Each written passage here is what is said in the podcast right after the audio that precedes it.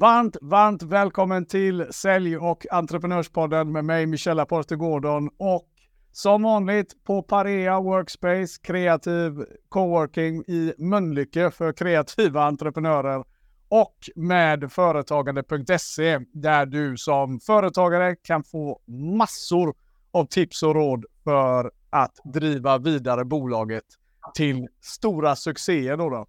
Idag mina vänner så är det dags för rond två. Det är dags att kliva in i ringen igen med the one and only Kristoffer Engman. Där vi ska fortsätta att snacka om det här med mega deals. Det är många av er som hörde av er och sa att det här är grymt.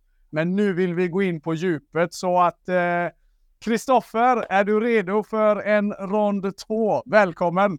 Jag är redo. Jag måste bara säga, det, du ser ju så fantastiskt ut med ljuset och lite lätt solbränna. Det är svårt att matcha i min...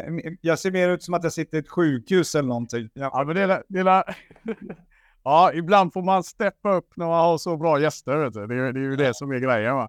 Eh, ja men eh, grymt. Jag tänker ju att eh, folk har ju lärt känna dig och, och nu vet de ju liksom lite mer om dig och din bakgrund. Och, så jag tänker ju att eh, vi ska hoppa rätt in i eh, matchen här och, och bli produktiva.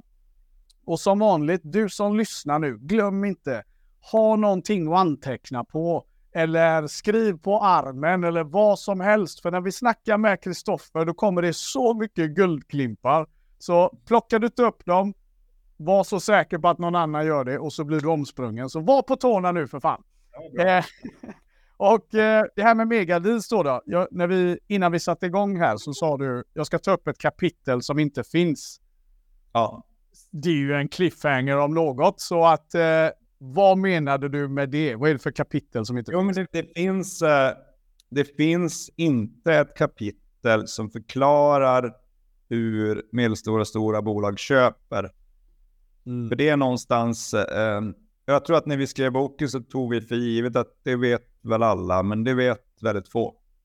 Eh, så det är ett kapitel som saknas. Vi har, vi har gjort en, eh, det hade vi nog kunnat lösa, vi har gjort en videofilm som är det kapitlet i videoformat. Som jag kan skicka till dig Michel om du vill dela den med, med din, med din uh, crowd. Ja, men det får vi göra. Vi lägger den i beskrivningen här på, på um, avsnittet. Det är ju ashäftigt. Ja, och, och om man tänker sig, vi kan börja där. och bara för att sätta kontexten. Megadis insikter och metoder. En del tänker nog så här, och det var faktiskt där vi startade. Det här är ju, det är ju inte jag. Jag gör ju inte miljarddollars affärer.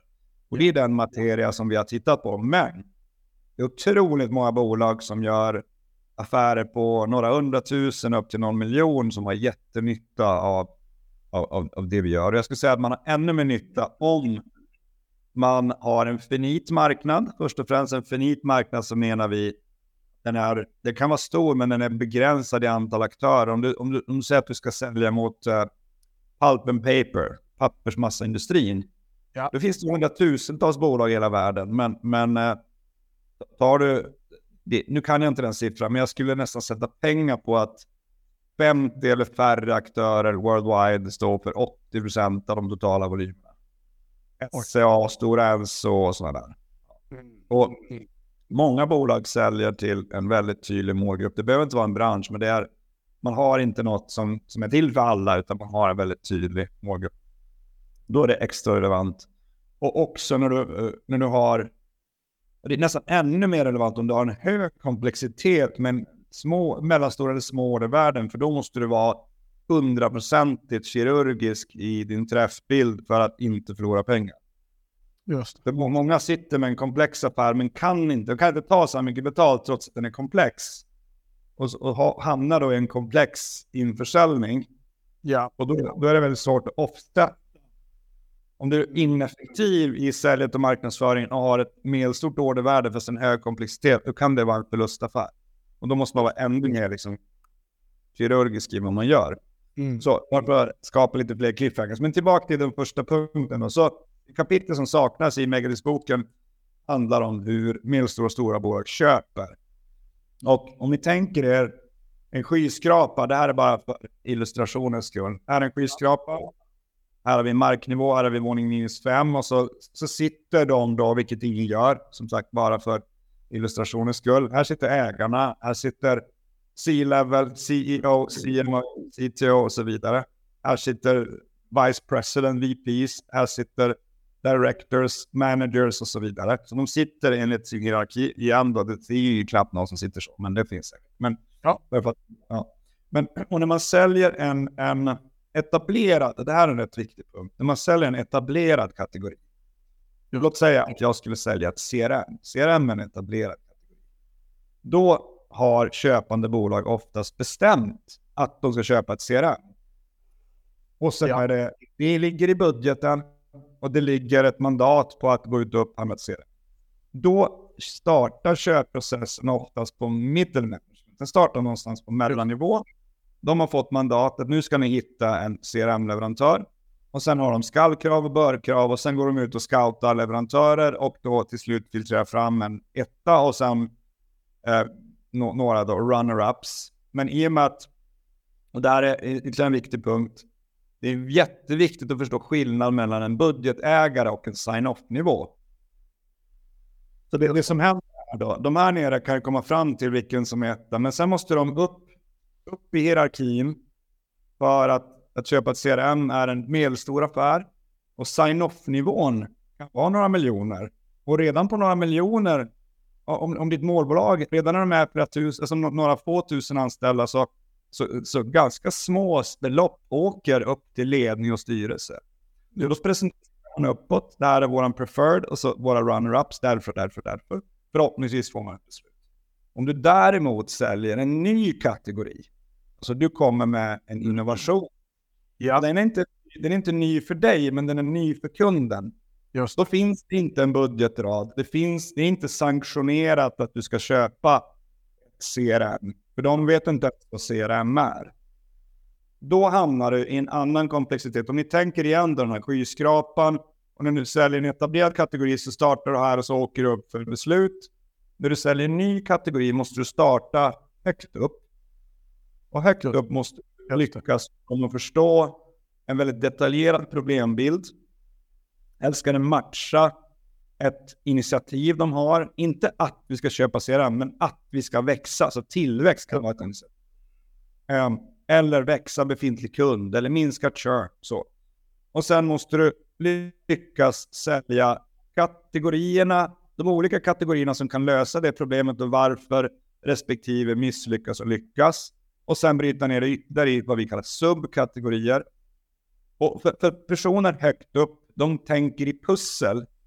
Det många gör som misstag att de får möte med ägarchefer och så ska de köra någon jäkla demo. Mm. Det funkar inte. Personer upp, det räcker med några hundra anställda uppåt. De är inte intresserade av din demo. De kanske artigt tittar på det, men de tänker i pussel, inte i pusselbiten.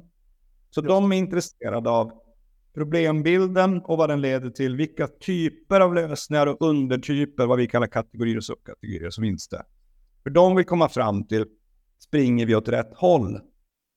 De är inte intresserade av att springa höger och vänster på detaljnivå där borta, utan springer, är vi directionally correct? Så. Och, och, och det de då säger, om, om, om du har lyckats där uppe, då säger de, bra, det här låter jättespännande. Vi ska lägga mer tid på det här. Men vi här uppe har inte den bandbredden. Så då puff, delegerar de det ner till kanske director manager nivå. Som då har ett otal möten, fem, sju, tio, tolv möten med, eh, med det här bolaget där de då utvärderar. De här claimsen, de här påståendena vi gjorde här uppe, stämmer då? Så. Och det de sen gör, att de rapporterar tillbaka upp till toppen, kanske inte ens i styrelsen, men C-level VP, så säger de, det här som Michel och company kom med, det verkar stämma. Vi borde köpa av en sån här leverantör. Just det de säger inte att vi borde köpa Vimentis, eller vi, vi borde köpa För de, de, de har bestämt sig att kategorin och subkategorin är relevant. Just det. Och sen åker det ner och sista sträckan är likadan som för en etablerad kategori. Så i sista sträckan, då är det igen, för de medelstora stora bolag kan inte köpa av första bästa leverantör som kommer in om dörren. Utan de ställer sig också frågan, vilka andra levererar typ samma sak? Så inom samma kategori. Så att sista sträckan, det sista i är likadant. Men så vi kallar det W-modellen. Så att när du mm. säljer en ny kategori så måste du traggla dig igenom hela W-modellen. Sen när du etablerar kategori så är det sista raksträckan bara i W. Så, du, så I.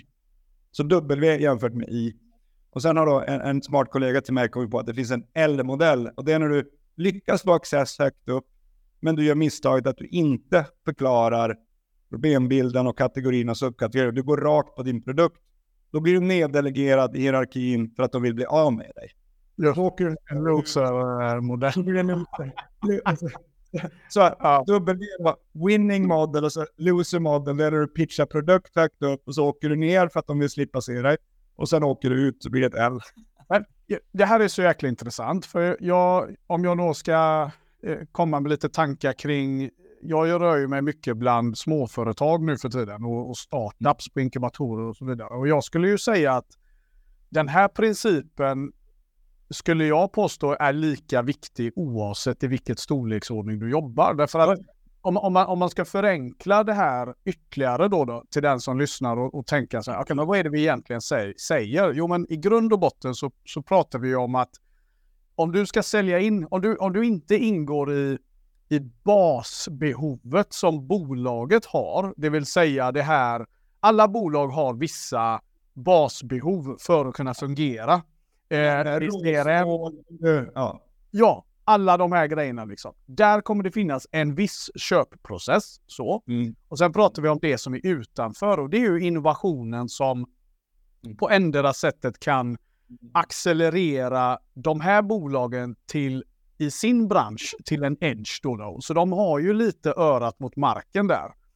Men misstaget vi gör då, det är att vi, vi fortfarande går ut och säljer generellt till ja, men som du är inne på då, vi, vi får ett möte med en vd till exempel. Det, mm. det, det har ju många hört idag. Boka så högt du kan. Okej, okay, säger de. Och så gör de det och så kommer de till vd och dränker den här personen i någon powerpoint som ingen orkar. Information. Mm. Ja, och, och, mm. men nyckeln är ju någonstans så här att ja, men du ska, en vd sitter på en vision, sitter på liksom de, de köper visionen och konsekvensen av det som det här ska leda till. Mm. De tänker ju inte sitta och, tänker jag då, de, de, de är inte intresserade av detaljerna. Men vad du Nej. vill ha, du vill ha en blessing att ja, vi är överens om att om allt jag säger stämmer, så är det här någonting som du tror kommer att kunna accelerera det. För du vill ju samtidigt att visionen ska ju du sälja in till ja. toppen. Eh, och inte mellanchefen ska gå in där och babbla Nej. om en produkt som makes no, alltså så, så de är helt ointresserade.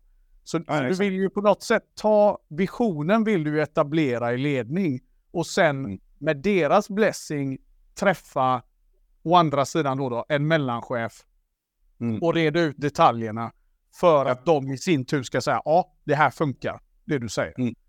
Så, och, så, och så kastas den tillbaka. För, för ett av de stora problemen som, som jag ser att många gör då, då, och det har jag ju själv också gjort, ända tills jag lärde mig läxan då, den hårda vägen. Och det var ju att eh, man kommer till den där mellanchefen och så lägger du i stort sett hela säljet i knät på dem. Mm. Men de är ju inte, och jag, jag, brukar addera in i den meningen att hur länge har du, alltså vi, vi glömmer lätt av hur länge vi har spenderat tid med lösningen på ett problem. Ja. Och, och, och prospektet har liksom fått en halvtimme, en timme. Ja. De kan omöjligt leverera samma känsla, samma kontext, samma... De kan inte det. Det, det är fullständigt omöjligt för dem att göra det. Ja. På, på, på, bara ett möte. Så att... Ähm, är det jag med. Vi, vi drar slutsatsen om att vi, vi, tror på något sätt att vi, vi fattar att när jag tar in en ny säljare så tar det en massa månader innan de kan sälja. Ja. Men sen när jag säljer till kunden så tror jag då att kunden ska kunna sälja det internt efter timmar. Den är, det är galet. Det, det, och det är ju helt galet. Och, och, så att, men jag, jag tror ju någonstans att marknaden idag, om du kommer till ett bolag med, som är i en tillväxtfas där det händer lite, så tror jag du ska tänka på det här som vi har pratat om, alltså oavsett bolagsstorlek. För att idag har alla så jäkla bråttom, så eh, jag kanske får tag i en vd på ett bolag i en tillväxtfas. Mm. Du vill ju bara säkerställa att ni är överens om att om, om den här nyttan stämmer, ja, då är det rätt match. Då, då är det en del av, av, av, av någonting som kan katapulta ert bolag mot era mål snabbare. Det vi ja, det är bra. Då reder jag ut det. Sen finns det ju en annan faktor i den, så jag vill också fånga bara till den som lyssnar på alla de här godbitarna. Och det är ju att det är en helt annan sak att träffa en mellanchef. Mm. När du har fått liksom vdn att säga bra, du ska träffa den personen eh, och reda ut detaljerna. Kontra om du direkt kommer själv dit. Mm. Tänker jag. Ja, ja, men exakt. Och, och nu, nu, är det, det är oftast en klurig övning då, men det, det som är viktigt för att lyckas högre upp, det är att, att man designar kundens beslutsträd. Mm. Så att man har väldigt tydliga problembeskrivningar, vad de har för konsekvenser om de är olösta. Men att du lägger till kategorival och subkategorival. För att ja. om vi tar till exempel, om de har som initiativ att vi måste växa snabbare. Alla svar är ju inte ta in Vimentis. Det kan ju vara ta in tre superstrikers. Det kan vara, eh, förlåt jag bara spelar dig som exempel. Mm. Det kan vara skaffa ett CRM. Det kan vara bli bättre på segmentering. Det kan vara en ny prisbild. Mm. Många tänker ofta att de lägger för mycket tid på unique selling points. Just det. Mot direkta konkurrenter. Och så säger många så här, men vi förlorar mot att kunden inte gör någonting. Nej, fel. Du förlorar mot att du lyckas inte positionera din subkategori in i deras toppproblem och som vinnande kategori och subkategori. Det är det du misslyckas med. Så du förlorade, för en del är så här, nej men vi förlorade inte den här kunden, de valde bara att inte göra något. Nej, fel. Du förlorade för att du lyckas inte pitcha varför just det här problemet ska vara på topplistan, varför den här kategorin av flera är rätt svar på tillväxtgåtan exempelvis, eller varför den här subkategorin är rätt svar bland de subkategorier som är tillgängliga under kategorin. Så det blir som ett beslutsträd. Och den övningen vi, vi hjälper såklart kunden med det, men den övningen kan man göra internt. Man så här, utifrån kunden, vad är toppproblemen? Hur, vad finns det för alternativa sätt att lösa dem? För det är det höga chefer sitter med. De sitter inte, finns den här knappen i det systemet? Eller de, de kan till och med bli glansiga i ögonen eller börja ta upp telefonen och börja kolla mail. Mm. Om du för in i en så här omfattande demo. De bara så här, men jag bryr mig inte. De, de, de flesta svenskar är artiga, så de, svenska, de flesta svenskar säger inte jag bryr mig inte. Nej. Men du ser kroppsspråket. Så att, ja. Den första takeaway är att sätt klockren problembild av vad det leder till och va, vilka, vilka problem det konkurrerar. För att om, du måste, ditt problem måste vara topplistat. Och sen som ett träd då, vilka kategorier och underkategorier finns tillgängliga? Och varför är din subkategori priorit rätt svar på den prioriterade problemet? de här tre lagren missar sjukt många med. Alltså galet många. Ja. Och så framförallt med, med bra och dåliga säljare. Och de, de säger då till, till vdn och säljchefen, nej men vi förlorade den affären. De valde att gå en annan väg. Eller de valde att inte göra någonting. Ingen gör inte något. Alltså inget, ingen köpare gör ingenting. Så det är också ett sånt, många säger så här, nej men eh, de, så, så konkurrenterna status quo, nej. Konkurrenterna är oftast workarounds. De löser samma problem på ett annat sätt.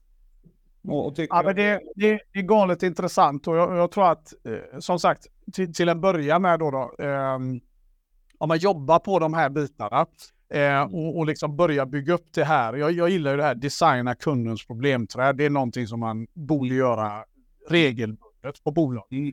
Um, för att bara hoppa vidare här då, eh, Kristoffer, uh, så mm. tänker jag att uh, ja, men om vi snabbt skulle ta och hoppa rakt in i tre saker som accelererar försäljningen utifrån det här megadeal-tänket då. då. Ja.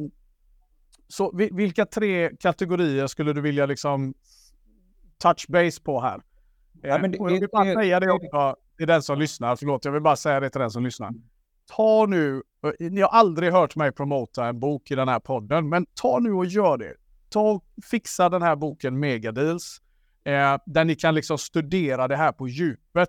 För återigen, det här är ju liksom skrapa på ytan som vi gör nu. Men det är så värt det. Och som sagt, ni har aldrig hört mig prata om det innan på det sättet. Men do it, ge er själva den julklappen. Yes, tre kategorier. Ja, men det, det finns både på megadisc.com, men sen finns det också på alla möjliga Anna. Jag tror jag hittade den på Adlibris eller något sånt. Den är faktiskt, eh, vi är triple Swedish bestseller. Oj! Ja. Den du. Eh, Men det, och det är jag faktiskt rätt stolt över, för det är en så pass nischad bok. Eh, Den är till för så här, vd och kommersiella ledare och kanske en och annan jätteambitiös säljare och marknadsförare. Men hur som helst. Men, så de tre kapitlen som är, om jag får plocka ut tre då, som du säger Michel, så är det hur man bygger sin messaging. Vi, vi har berört det lite grann, och den, för den är, går ju mycket djupare i hur bygger du problemställningarna, kategorivalen subkategorivalen. Och såklart på slutet berätta varför du är bäst. Men om du lyckas med de första tre så Ja. blir det väldigt få kvar. Då har du diskat bort en massa substitut och konkurrenter och, och eh, har gjort det lättare för kunderna att köpa, för de måste göra den analysen ändå. Eh, och, och, och sen ska jag säga att del två är, om man tänker dig, för utmaningen om man säljer något halvkomplext till komplext mot medelstora och stora bolag så har du, jag gjorde en post om det här dagen, jag, jag vet inte om du såg den Michel, men jag tog en bild på en fotbollsplan med typ 100 000 på läktarna. Ja. Och så sa jag att, att, att sälja inne på ett key account, eh, den, det, gam, på det gamla sättet, det är att stå mitt på fotbollsplanen utan mikrofon och högtalare och, och försöka få publiken att hänga med, hänga med dig. Det är bara, Ja. ja, det, de, möjligtvis de som står närmast för vad du säger. Det, och det, det är väldigt jobbigt att på mänsklig kraft driva agendan inne på medelstora och stora bolag. Och det, redan några hundra anställda uppåt så händer det. Det är intern politik och det är sjukt många trådar som händer. Så, eh, och om man bara spelar upp en till analogi. Jag är till exempel helt övertygad om att om Ryssland eller Ukraina eller Israel eller Hamas, om någon av de fyra skulle sluta med media, Ja. så, så skulle de för, förlora kriget på några veckor. De skulle till och med få sin egen befolkning emot sig. Så Mm. ett trick när man säljer mot medelstora och stora bolag och har en halvkomplex till komplex affär, det är att addera media mot det bolaget. Så det, det, det vi, och det, nu ska jag pitcha lite då, för vi har byggt en produkt på det här. Vi har byggt en mjukvara genom vilken du kan styra vad som sker på LinkedIn, Instagram, Facebook, YouTube och nyhetssajter i hela världen minus Kina och Nordkorea. Och med med den här så kan vi välja ut exakta bolag och exakta stakeholders och exponera media i fem olika, så allt från nyhetssajter, allt från Göteborgs-Posten till Dagens Industri till New York Times, Chicago Tribune, eh, men också på Instagram, Facebook, LinkedIn. Och vi kan göra det på individnivå, vilket inte går i de här plattformarna, men vi kan göra det vare att vi har byggt ett lager på toppen. Och då kan vi driva, fast inte med samma syfte som Israel och massor av de här, men vi, vi, har som policy att vi jobbar med bolag som gör gott för världen. Ja, Det är, ganska ja. viktigt, en viktig grej. Så att vi, eh, vi skulle till exempel inte ta ett uppdrag från ett oil and gas-bolag. Eller eh, Philip Morris och sådär. Men det, det, och ganska mycket grön... Va? Marlboro tänkte jag direkt. äh, Gamla goda cigaretterna. Och då, om vi tänker den här fotbollsplanen igen med 60-100 000 på läktarna. Helt plötsligt så har du mikrofon och högtalare och kan prata till massorna samtidigt som du gör dina säljinsatser. Och det vi ofta lyfter både bolagets varumärke, de problem de löser, kategorivalen, subkategorivalen, men också referenser från samma bransch och huvudpersonernas ansikten så att du gör nyckelpersonerna till kändisar. För när då, och framförallt, det här är framförallt viktigt om man är ett mindre bolag. Om du är ett mindre bolag och är superkänd både som bolag och på individnivå, när du sitter inne på ett halvstort bolag så har du en enorm fördel. Så. Eh, Och sen den, den tredje delen som är avgörande, det är hur du jobbar med social selling. Och här, här så har vi fyra stycken recept som är väldigt effektiva. Och, och innan jag går in på dem, så det, det många gör som misstag, det är att de glömmer bort sociala koder. Mm. Och sen går man på för kortsiktiga resultat. Så till exempel så, så Eh, Du har en väldigt tydlig lista bolag som du vill jobba med och de är inte bara viktiga det här kvartalet eller det här året eller nästa år utan de är viktiga på lång sikt. Just det. Så får du inte bränna broar. Nej. Så du måste skapa en hög aktivitetsnivå utan att bränna broar. Ja. Och, och det- du gör då i sociala medier, det är att du tänker ungefär vad som kan hända på ett gym. Om du och jag kände varandra Michelle och så ser jag dig på, både du och jag gillar att träna, jag, jag ser dig på gymmet, du ser mig. Kanske tredje gången så nickar vi lite så här igenkännande. Mm. Sen femte gången kanske jag säger tjena eller hej. Och, och sjunde, åttonde gången så hamnar vi i någon slags eh, maskin bredvid varandra och jag sträcker fram handen och säger kul jag ser det här ofta, Kristoffer heter jag förresten. Och sen backar jag. Och, och du hälsar tillbaka. Sen kanske tionde, tionde, elfte gången så börjar vi småpatta och trettonde gången så går vi djupare in och bara men shit, du jobbar med sälj, vad spännande. Ja men vi har ju beröringspunkter här. Så helt har du byggt förtroende och, och, och um, relation utan att bränna bron. Om jag, om jag istället, om jag istället, säg att jag känner igen dig, du är en viktig chef på ett stort bolag och så går jag på gymmet rakt fram till dig och bara hej Kristoffer Emma heter jag från Megadeals. Då skulle du backa några steg. Just det. Där, eh, vad, är det här för konstig typ liksom? Ja, men det, det är väl någonting som, bara, bara för att fånga det lite där Kristoffer. Det här är ju någonting som jag tror att precis alla gör fel. Alltså när vi pratar sociala medier bara överlag, social selling.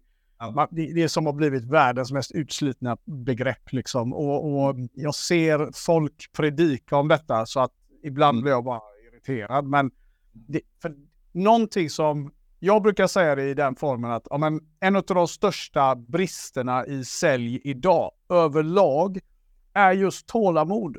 Alltså vi har så fruktansvärt lite tålamod idag så att det är helt sinnessjukt. Då har du det så har du redan där ett försprång mot typ alla dina konkurrenter. För det, det, och nu ännu värre då, då när, när folk investerar i, i eh, automatiserade säljprocesser och alla de här grejerna.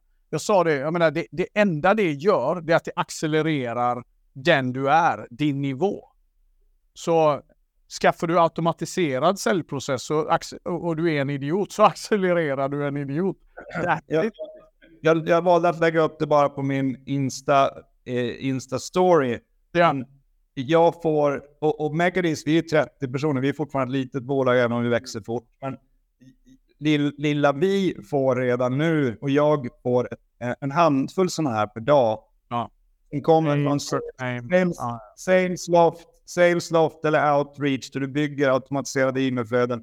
Om du har en monströst stor målgrupp där du kan bränna broar och där det är okej att ha 2-3% conversion, då är det här helt okej. Men om du, om du har nyckelkunder så är det här fullständigt, fullständigt självmord.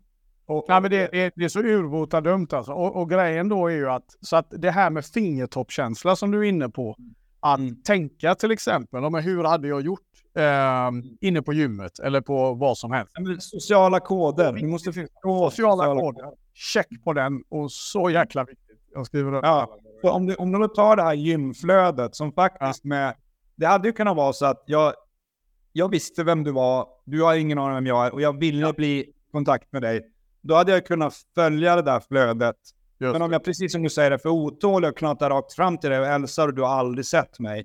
Så Just. kommer... Alltså, det, det är till och med så att jag kommer cementera en inferiority. Jag kommer cementera att jag är mindre värd än du. Ja, ja. Medan om jag, om jag har lite tålamod över någon vecka och till slut står vi och pratar vid maskinen och då är det helt naturligt. Då kommer min win rate vara väldigt hög och min, vi har infört ett nytt KPI som vi kallar BBR. Burning Bridges Rate. ja, det är bra. Burning Bridges Rate, BBR, den ska vi fan... Det hoppas jag att du som lyssnar skriver ner. Ja, för att, om du tittar för kortsiktigt och din vd stressar på eller du själv inser inte det, men du stressar på att ah, vi måste ha fler möten.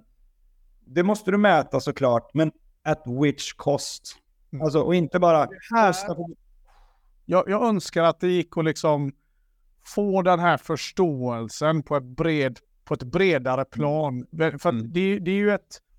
Det här är ju också någonting som har blivit lite av ett... eh, ja men det är en ond cirkel skulle jag vilja säga. Därför att du har en... en, en, ofta en ledningsgrupp som absolut inte förstår det här. Eldar mm. på för att skaffa verktyg till människor som absolut inte förstår det här. Eller mm. så tar de in expertis och så vägrar. Alltså det, det är så trasigt mm. på just den här biten att mm. det tar lite tid. Jag var på ett mingel igår och det, eh, jag har ju lagt väldigt mycket tid på LinkedIn då. då. Eh, och det är ju så roligt för nu, nu för tiden blir det ju så. Man kommer in och så blir det lite så, ah, fan, det känns som man känner dig. ja, ja, men hej hej liksom. Eh, och, och det, det är sjukt kul att se vad, vad liksom hårt arbete gör Eh, även där då, då. För till slut mm. så blir det ju faktiskt så i, i, i mm, överallt. Och det, och det, är ju så här, jag brukar säga det, ni kan gå in till, ni kan skumma igenom alla mina inlägg på ett helt år och ni kommer hitta mm. kanske fyra totalt där jag pratar om vad jag faktiskt levererar, det vill säga mina, mina typ paket då. då. Mm. Av tusentals menar jag. Så, mm. så att det är bara annars liksom värde, värde, tålamod, allt det där. Men ja, superviktigt. Sociala ja. koder, check. Vad har vi med ja. där?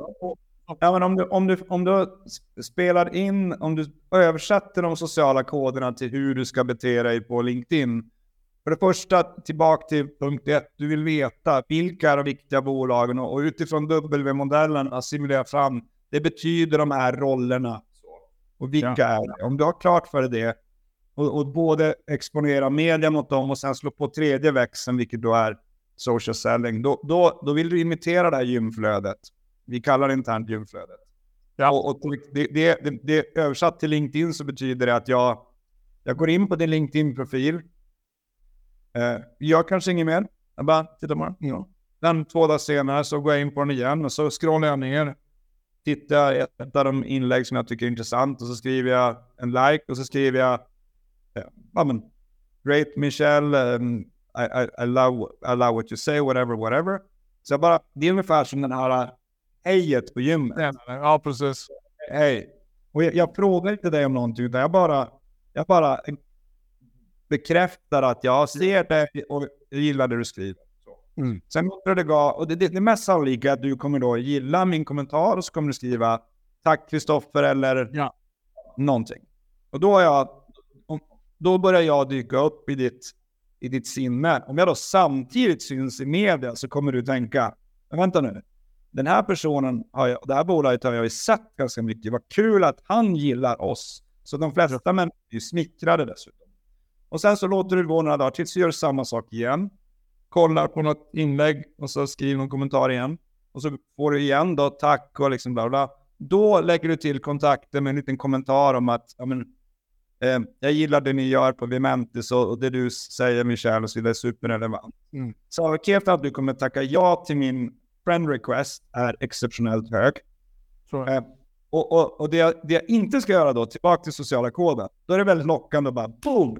Michel, ska vi ta ett möte? Nej, chill, ta det lugnt. Och det är ju där många med automatiserade cellprocesser gör det där misstaget.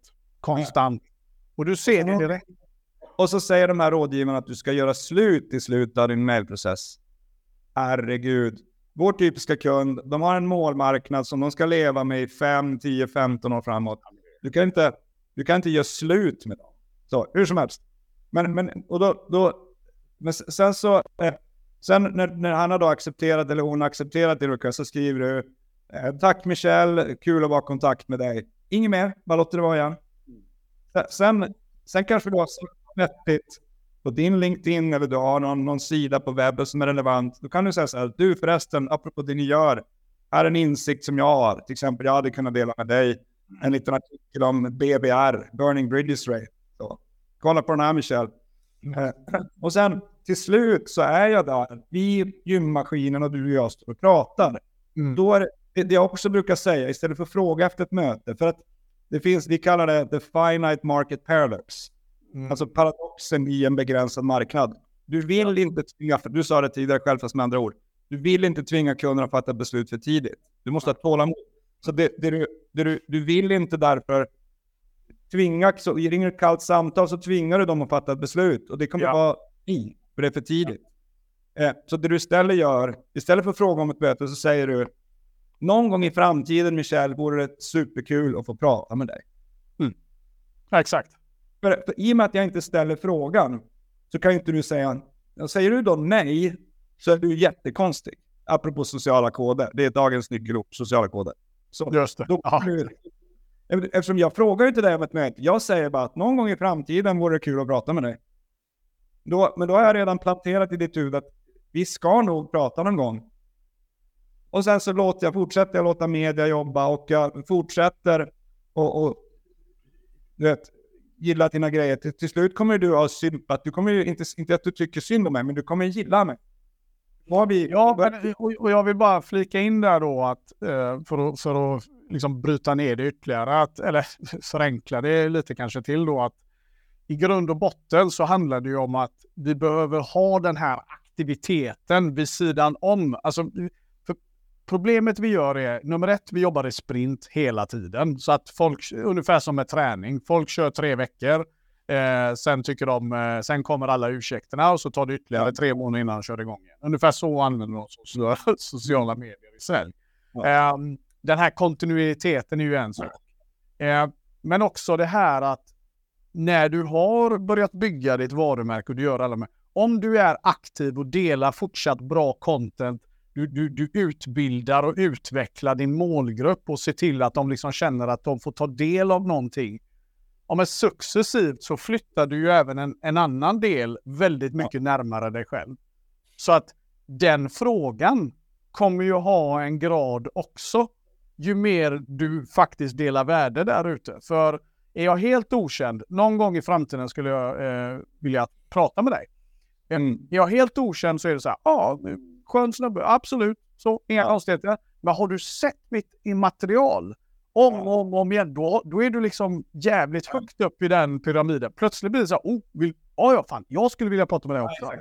Det blir liksom helt absurda effekter där du till och med kliva in på storbolags höga chefer och de är lite starstruck. Eh, ja. Och då, då, har du gjort, eh, då har du byggt en bra positionering och messaging utifrån deras beslutshierarki som jag var inne på tidigare. Du har synts mycket med det, både bolaget, du och några till. Och du har haft en interaktivitet på sociala medier med deras. Och det är inte bara en person, du kanske gör det på 5, 10, 15 personer på det bolaget. Ja. Då kommer du komma in i ett möte, och där händer mig löpande, du kommer in i ett möte där första mötet har 12 personer i rummet, inte en. Ja. Och de kallar inte dig eh, Mikael, de kallar dig Michel. Mm. De vet ja, vem du är. Och de säger inte eh, Vimenta, utan de säger Vimentis. Ja. Eh, och, och, plus att de dessutom, ganska vanligt, så säger någon som du troligtvis alla sett så här, så här men du, du och jag Michel, vi är connectade på LinkedIn sen. Så här. Då vill de visa sina kollegor att jag är också... Jag hänger med honom. Absolut. Jag hänger, jag hänger med honom. Ja. Och, och det, det, mentala övertaget i mötena är otroligt värdefullt. Och det, och det är ju det folk behöver förstå att det är inte någon, det är inte någon kosmisk... Alltså, alla kan bokstavligen ta, göra det om de bara fattar det vi har pratat om hittills. Eh, och, men det är ju likadant som allting. Alla har hört att du ska röra på dig fyra dagar i veckan, men de gör det inte. Så att det, det, är saker bakom där. Men, eh, de, de, de två, två, två eller tre quick fixes. Social selling-delen tar ofta längre tid att, innan folk är inne i det. Ja. Eh, jag ska dra ett till recept innan vi avslutar kring social selling som är väldigt effektivt. Men mediadelen kommer igång så här. Du, ja. tänder, du slår, jag har en mikrofon och högtalare när du står där på arenan. Du står där utan du får exponering mot dina topp 20, 30, 50, 100 bolag. Mot de mest relevanta intressenterna där. Och bygg varumärke och så vidare. Det, det går ganska fort att få igång. Det är igång på några veckor. Redan efter två månader börjar det se sjukt coola effekter. Eh, den andra quickfixen är att lägga tid på att fundera. Om vi ska bygga en stark position, vilka kunder är viktigast för oss och vilka, vi kallar det då Ideal Customer Profile men också ISM som är Ideal Stakeholder Map. Så vilka ideala stakeholders behöver vi vara? 1000, 2000, 3000 personer. Om vi är superkända på dem, då kommer vi ha en affär som är otroligt fin många år framöver. Mm. Eh, de är quick, the, the social selling-delen av min, min erfarenhet är att det kräver lite mer change management. Det kräver att man, att man lär sig tålamod som sa, att man också får in ett antal nya arbetssätt. Mm. Eh, jag ska ge ett sista Ja. Eh, ett sista recept som är sjukt effektivt. Och den här ska man framförallt göra om man har, så att du har max 100 superprioriterade konton, kunder alltså, både kunder och prospects. Eh, om, du, om du går in på Kristoffer Engman på, på LinkedIn och scrollar lite genom mina posts så kommer du se att jag en till två gånger i veckan highlightar ett bolag. Mm. Skriver ett inlägg om ett bolag. Den är bra. Ja. Och, och, det handlar bara om dem. Inte om Megadis, inte om mig, bara liksom så. Till exempel så, så Saltex, ett svincoolt bolag som, som, som jag har haft span på länge. Eh, de har nu pivoterat från energilagring in i att producera grön cement som är mega grej för världen. Det är liksom en triljard, triljonmarknad globalt och de har hittat ett sätt att producera koldioxid. Det, det är major, major innovation. Och då skriver jag ett inlägg om dem. Eh, och eh, både för att det är bra för världen att de blir kända, men det som också händer, det är att deras nyckelpersoner och personal kommer tänka, nu, nu, nu känner jag dem sedan tidigare, så det, det, det men, det, det så här, men vilka är de här megatis? Och, och, och, och då, de är extremt så här, tack för att du skriver om oss och att du uppmärksammar oss och så vidare. Eh, så att eh, bara att prata mer om dem än om dig, du kan prata om dig också, men Eh, Nej, men jag, jag är med på, och det är ju genialiskt, för samtidigt så är det så här. För Engman på LinkedIn så kommer du, ja. har sett så kommer du se, och nu, nu är vi, vi, passar egentligen för sjukt många bolag, mm. men vi har som proaktiv strategi startups och scale-ups inom sustainability tech. Men sen har vi, vi har kunder i fyra, alltså vi har massor med andra kunder, men det är vårt, där är vi liksom, där vill vi bygga en framtida stark position. Mm. Så. Och då, då gör vi det som en del av vår go-to-market motion. Och jag skulle säga så här, jobbar du inte mot större bolag så kan du fortfarande använda den. För mm. jag kan ju bara tänka så här, om, jag, om någon skriver så, vi säger att på lilla mig då, då jag blir ju approachad av lite så här SEO-bolag emellanåt och allt det här. Men det är ju samma sak där. Hade jag sett en sån post och den personen sen å andra sidan sagt så här, du jag skulle vilja ta, det är ju hundra gånger lättare för den personen att boka mm. mig på ett möte med det.